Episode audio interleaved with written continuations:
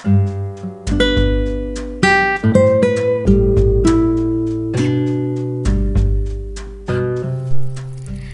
hai, gimana kabarnya? Aku harap semuanya dalam keadaan baik-baik saja. Khususnya baik untuk yang sedang berusaha menganggap semuanya akan baik-baik saja.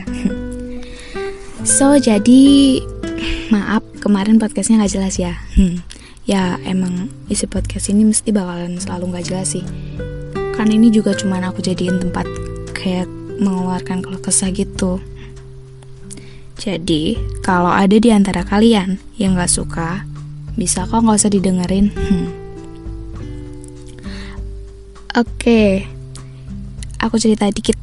Jadi, podcast kemarin itu bisa ada, bisa aku buat karena kemarin tuh aku lagi bersihin note di HP. Terus aku nemu tulisan itu, terus pengen aja aku bacain, terus aku post deh, gitu. Oke, Hmm, kali ini aku mau ceritain buku yang lagi aku baca. Masih sama kayak buku yang kemarin, kayak yang biasanya aku baca sih. Tapi udah udah ganti bab gitu. Sekarang ini aku baca yang bab saling menjadi asing. Hmm. Udah akhir-akhir sih ini, udah hampir selesai. Tebal banget bukunya. Tapi setebal apa pun buku itu, selalu ada aja kejutan yang dikasih sama penulisnya kayak naik kayak naik roller coaster rasanya kalau baca bukunya abis baca pasti gemeteran terus nangis ya jadi tuh gini aku cerita dikit ya guys. Jadi buat aku tuh kalau habis naik roller coaster terus nyawa terbang gitu. Apa apa cuman aku? Kalian ada yang kayak gitu juga nggak? Jadi pas turun dari roller coaster aku pasti gemeteran terus nangis. Cemen banget ya. Oke oke. Balik ke cerita. Jadi aku mau ngasih tahu ke kalian bagian cerita paling favorit menurutku so ceritanya mereka ini bentar bentar aku berjelas ya jadi tokoh ceritanya ini cewek dan cowok ya guys dan si cewek ini udah ada rasa sejak lama buat si cowok ngerti kan maksudnya Oke lanjut. Aku inget banget pas itu ceritanya pas baru sibuk-sibuknya 17 Agustusan si cowok nih ngajak main si cewek. Ya langsung diain dong sama si cewek. Kapan coba ada kesempatan main sama crush? Padahal pas itu posisinya si cewek jadi panitia lomba anak-anak dan dia pun akhirnya izin buat nggak nemenin lomba anak-anak. Jadi akhirnya mereka main bareng tuh. Mereka ke mall kalau nggak salah ingat ya. Udah agak lama soalnya aku baca bab yang itu. Terus mereka muter-muter mall nggak jelas. Aku lupa mereka ke mana aja pas di dalam mall itu. Terus akhirnya si cowok nih nanyain. Lapar nggak? Mau makan apa? KFC mau? Terus si cewek cuma jawab, Magelangan aja yuk kemarin kan janji mau traktir aku magelangan. Terus akhirnya mereka setuju buat makan magelangan di Burjonan aja. Jadi, kan habis diskusi mau makan apa tadi, terus mereka tuh turun ke basement, ke parkirannya. Di parkiran ini tuh sepi banget. Apa malah cuma ada mereka ya pas itu? Serem sih jujur kayaknya kalau bayangin gitu basement parkiran sepi. Terus mereka jalan ke arah motor si cowok. Si cewek cuma ngikutin di belakang, di belakangnya kan, karena dia nggak tahu sebelah mana kan motornya. Terus pas udah nyampe di, udah nyampe di motornya, si cewek ini dipakein helm dong. Aku sebagai pembaca jadi mikirnya kayak oh, pasti nih cowoknya mulai ada rasa. Bentar, masih ada lagi.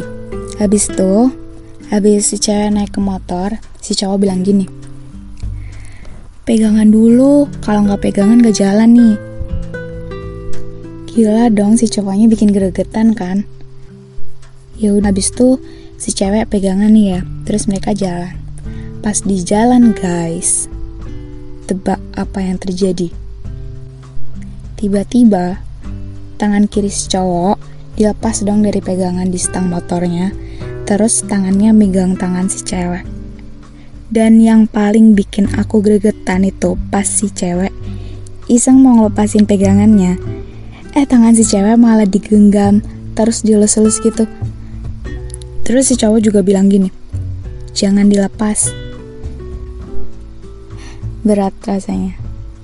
Sebagai pembaca loh ya aku.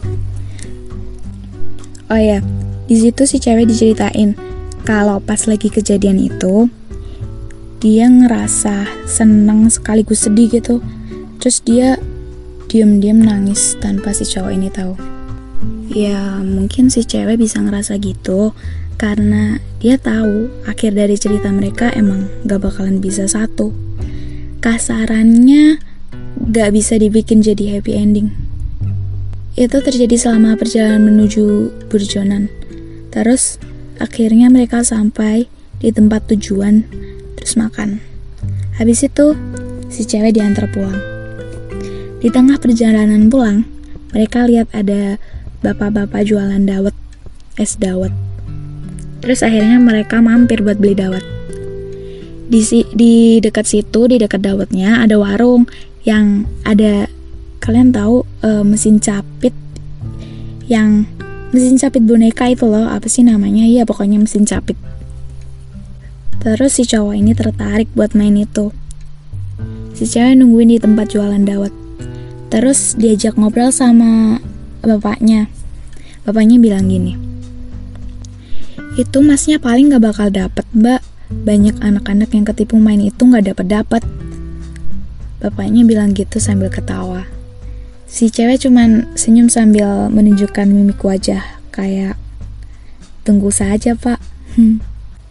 nggak lama habis itu si cowok kelihatan seneng gitu terus sambil bawa boneka di tangannya ke arah mereka ke arah yang jualan dawet nih. Si babak tuh terus bisik sama si cewek. Kayak gini. Masnya beruntung mbak. Dan lagi-lagi si cewek hanya membalas dengan senyuman dan anggukan serta sedikit kata. Enggih pak.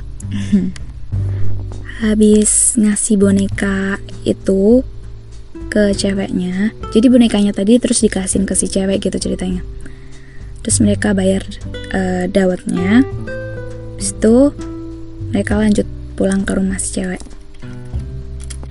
Dan tentu saja di tengah perjalanan si cowok bilang, pegangan jangan lupa. Ya dengan patuh si cewek menuruti begitu saja. Sebenarnya bener yang ditakutin si cewek ini. Setelah sampai di rumahnya si cewek, si cowok ini mampir bentar uh, untuk uh, menikmati dawet yang mereka beli, serta ditemani sedikit senda gurau di antara mereka. Setelah si cowok pulang, makin menjadilah rasa sedih yang dirasakan karena sebenarnya si cewek udah hampir mau menanyakan apa maksud dari perlakuan yang, dibeli, yang diberikan si cowok itu tadi.